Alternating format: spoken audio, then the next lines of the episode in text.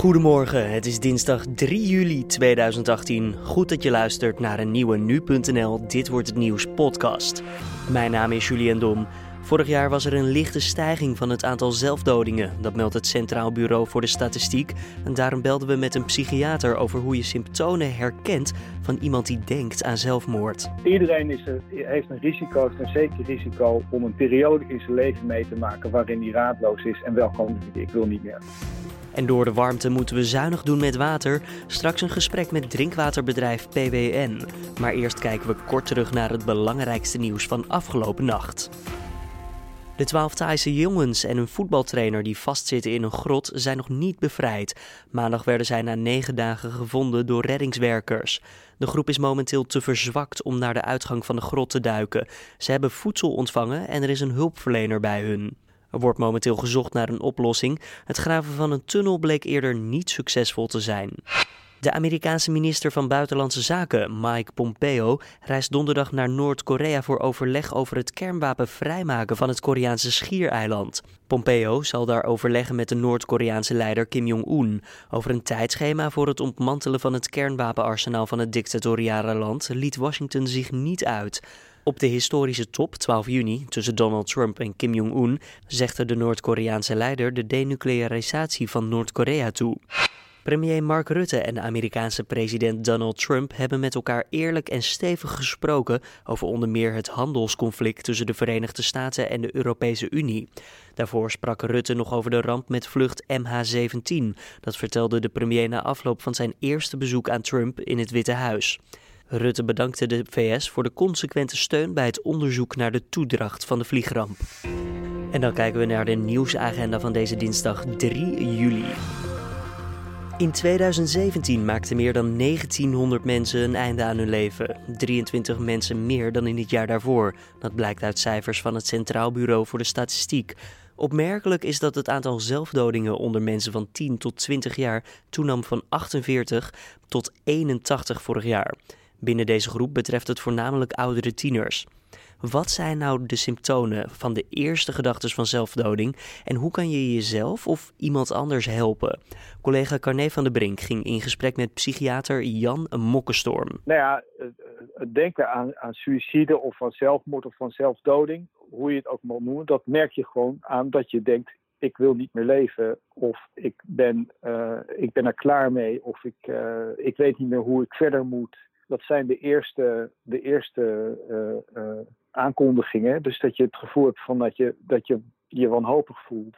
Uh, dat, je niet, dat, je, dat je last hebt van pijnlijke problemen. waarvan je denkt, ja, die, die zijn oneindig, die kan, ik niet meer, die kan ik niet meer hanteren. Ik, weet niet, ik zou niet weten hoe ik eruit moet komen. Dus een soort radeloosheid. Nou, dat hoort wel, tegenslag en, en radeloosheid en wanhoop kan wel bij het leven horen, maar we spreken dan van, van suicidaliteit op het moment dat die radeloosheid dan ook de vorm krijgt van: Goh, ik, uh, hoe zou het eigenlijk zijn als ik dood was? Zou het eigenlijk wel erg zijn als ik dood was? Misschien is het wel helemaal niet zo erg als ik dood ben. Uh, en uh, dan, gaan, uh, ja, dan gaan die gedachten, die kunnen, zullen we zeggen, uitgroeien tot een ja, hele ja, een plan of een fantasie. Ehm, die, die steeds vastere vormen krijgt, maar ook helaas steeds ja, beklemmender wordt. Het, het vervelende is. Ja?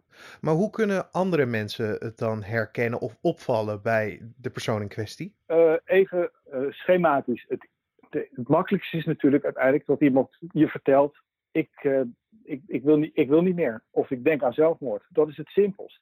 De tweede is dat je er getuige van bent geweest, bijvoorbeeld omdat je opgeroepen bent door het ziekenhuis, dat iemand dus een, uh, een poging heeft gedaan om, om suïcide te plegen. Dan weet je het ook. Dan ligt het dus op tafel. Dat is allemaal niet zo moeilijk. In ieder geval niet moeilijk om het te herkennen. Hè? Dat is even, daar gaat het nu over. Um, maar wat nou als je. Uh, uh, hoe, hoe kan je aan iemand merken dat hij met zelfmoord bezig is, die dat niet zelf vertelt? Nou, er zijn er een aantal aanwijzingen. Bijvoorbeeld, iemand is plotseling flink prikkelbaar, heeft stemmingswisselingen, doet ook wel een beetje rare uitspraken waarvan je denkt: hé, hey, maar dat kan toch helemaal niet? bijvoorbeeld, nou, een, een, een nou, weet je wat, ik weet niet of ik je volgende week op je verjaardag zie, want nou, dan ben ik er misschien niet meer. En dan zeg je: ben je er niet meer? Ben je op vakantie? Dan nee, nee, nee, dan ben ik er gewoon niet meer. Dus dat zijn, zomaar zeggen, hints die mensen kunnen geven. Eigenlijk zijn het halve uitnodigingen om erop door te vragen. Maar ze durven het niet dus rechtstreeks te zeggen. Weet wat ik bedoel? Ik snap heel goed wat je bedoelt. Want het is eigenlijk, eh, ja, je, je, maakt er een verhaal van omdat je het zelf niet durft toe te geven dat je met de gedachte speelt, om zo maar even te vertalen. Ja, en Je, je, tast eigenlijk af. Word ik, uh, word ik voor gek gehouden? Word ik uitgelachen als ik dat opper? Uh, en ja, dus het is een, je zit daar in je eentje mee. Je, je, je, en er is een kant in je die heel graag open wil zijn, maar een andere kant in je is heel bang dat voor de gevolgen daarvan. Bijvoorbeeld uh, gaat iemand doorvertellen? Of uh, bijvoorbeeld kijkt iemand dan opeens heel anders naar mij? Uh, vindt hij mij opeens raar of, of, uh, of misschien wel zelfs in de war of gek? Nou, dus dat is dus die, die hints die mensen geven. En dat kan op allerlei manieren zijn natuurlijk. Hè? Dus ja, ik ken een heel indrukwekkend verhaal van iemand wiens broer opeens op een dinsdagavond om kwart over elf aan de deur stond en zei: Hier, ik heb een bos bloemen voor je. Ja, dat is natuurlijk een raar moment. En het was het laatste moment waarop hij zijn broer heeft uh, gesproken, want hij omhelsde hem en was de, de, volgende dag overleden door zelfmoord. Dus dat zijn rare, rare ja, dingen die je, maar, hè, dus die, ja, die, die, die je een niet-pluisgevoel kunnen geven. Nou, verder, als je mensen ziet die uh, wat ik net al zei, stemmingswisselingen, uh, gevaarlijk gedrag op de weg, gevaarlijk veel drinken en gewoon ja, in zijn algemeenheid er depressief en angstig en moe en gestrest uitzien. Ja, wij zeggen ja, je kunt niet van iedereen die met zelfmoord bezig is verwachten dat hij dat kan vertellen zelf of dat, dat hij dat durft. Vraag er gewoon naar. Vraag, gaat het echt wel met jou? Denk je wel eens, goh, ik weet niet hoe ik het vol moet houden. Of denk je zelfs wel eens, ik, uh, ik, ik denk er wel eens aan om er een eind aan te maken. Ja, want dat was mijn vraag. Want wanneer sla je alarm en, en, wat zijn dan de beste stappen daarvoor dan? Als je het voelt of dat je misschien bij jezelf ziet als je zelf actie onder kan nemen? Probeer om ja, vrij neutraal en zonder al te veel oordeel in je stem of in je vraag gewoon ernaar informeert. Zoals je bijvoorbeeld uh, kan informeren, uh, ben je gisteren nog op je werk geweest? Eigenlijk zo, ja, nou ja, zo feitelijk en, en, en rustig mogelijk. Nou, dan heb je de kans dat iemand zegt, uh, nee, uh, ik, ik denk niet aan zelfmoord, daar ben ik gewoon niet mee bezig. Hoezo vraag je daarnaar? Dan kan je uitleggen. Nou, daar vraag ik nou omdat ik me even zorgen maakte. Je bent namelijk moe. Uh, ik zie dat je nergens meer geïnteresseerd bent en je drinkt ook wat, wat meer dan no normaal. Ja, en dan zeggen ze wel eens, goh, denk dan, denk dan ook aan of je wat niet in nood zit. Dus daarom stel ik je die vraag. Maar je kan ook het antwoord krijgen, ja, ik denk er wel, denk er wel aan. Ik ben er wel mee bezig. Nou, dan is het de kunst om niet enorm in paniek te schieten of een, een, een heel drama van te maken, maar gewoon te, te vragen: Goh, vertel er eens over. Wat, wat denk je dan precies? En wat zijn nou je ideeën daarbij? En heb je al uitgedacht hoe je dat zou doen dan?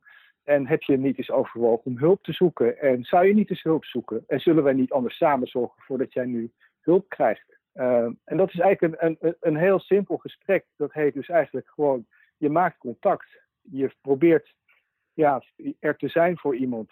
Op de manier zoals je bent. Dus niet opeens als een therapeut, maar gewoon als je een collega bent, ben je collega. Als je een vriend bent, ben je vriend. Ja. Als want, je, want het uh, kan, daarbij, het kan iedereen overkomen, deze gedachten.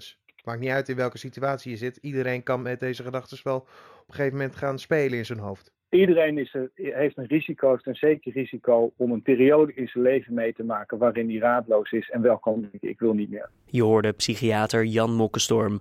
Mocht je zelf eens denken aan zelfmoord, neem dan contact op met 113 zelfmoordpreventie of ga eventjes naar www.113.nl.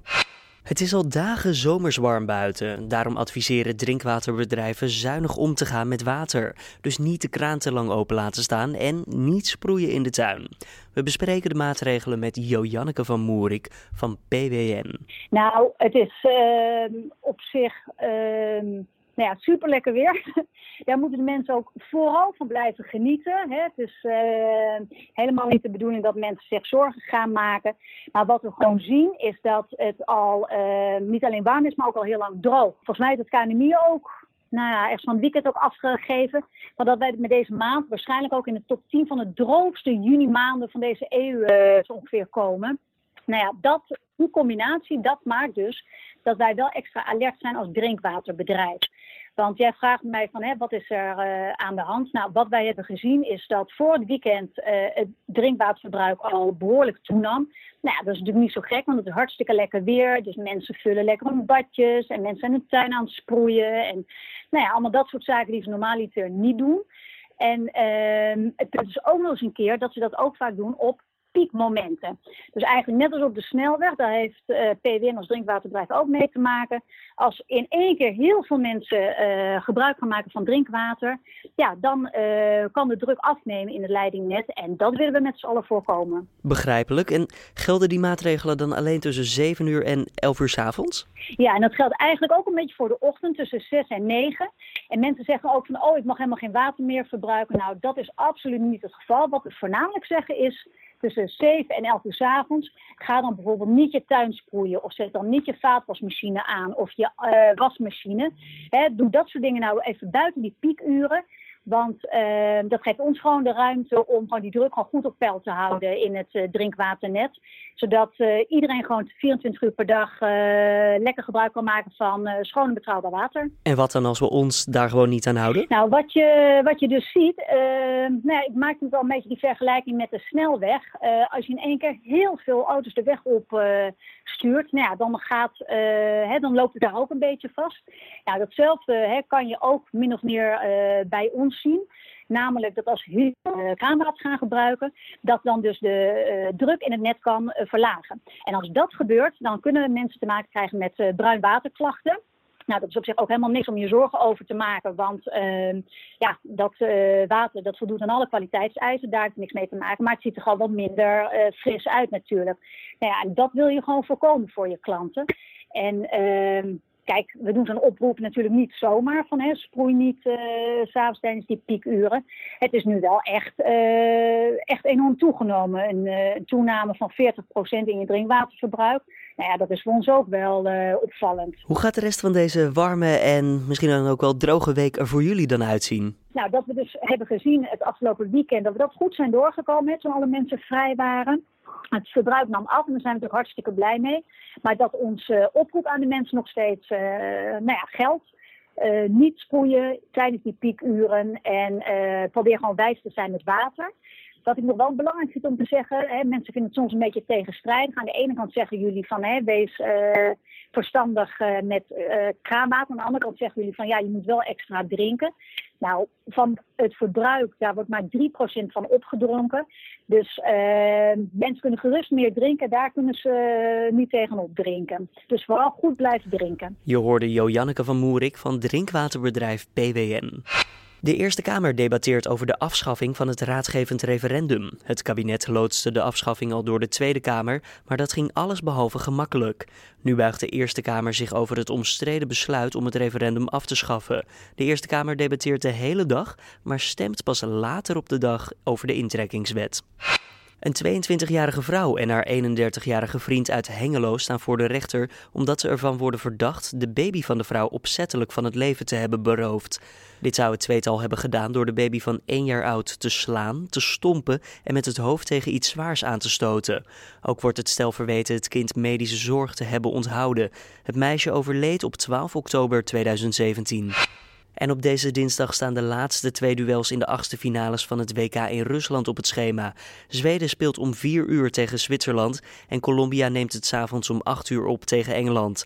De Engelsen hopen voor het eerst in 12 jaar de laatste acht op het WK te halen en daarmee een nieuwe stap te zetten naar de eerste wereldtitel sinds 1966. Dan kijken we nog even naar het mediaoverzicht van deze dinsdag 3 juli. In de Telegraaf valt te lezen dat de file-druk in de eerste zes maanden van dit jaar is toegenomen met 20% ten opzichte van het eerste halfjaar van 2017. De krant baseert zich op recente cijfers van de ANWB. De afgelopen zes maanden waren er zowel tijdens de ochtend- en avondspits veel meer files. Volgens de AWB is ook het aantal incidenten op de weg toegenomen ten opzichte van vorig jaar. Dat is deels de oorzaak van de hogere filedruk.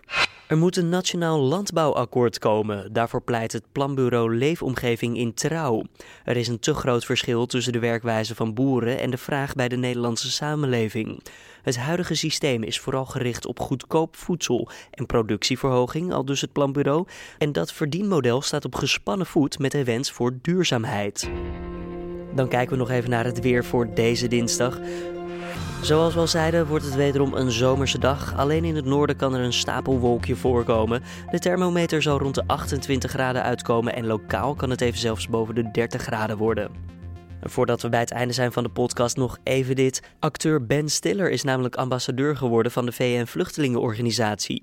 Volgens de Amerikaanse, bekend van films als Zoolander en Meet the Fockers, is er nog nooit een grotere urgentie geweest om solidariteit en steun te tonen voor vluchtelingen. Stiller treedt met het ambassadeurschap in de voetsporen van onder andere actrice Kate Blanchett, Angelina Jolie en prinses Diana. Dit was dan de Dit Wordt Het Nieuws podcast van deze dinsdag 3 juli. Je vindt de podcast van maandag tot en met vrijdag om 6 uur ochtends op nu.nl. En voor je het een goede podcast, laat dan eens een recensie achter op iTunes of in een van de andere podcast apps. Je kan ook uiteraard een reactie mailen naar redactieapenstaartje nu.nl. Mijn naam is Julian Dom. Voor nu, tot morgen.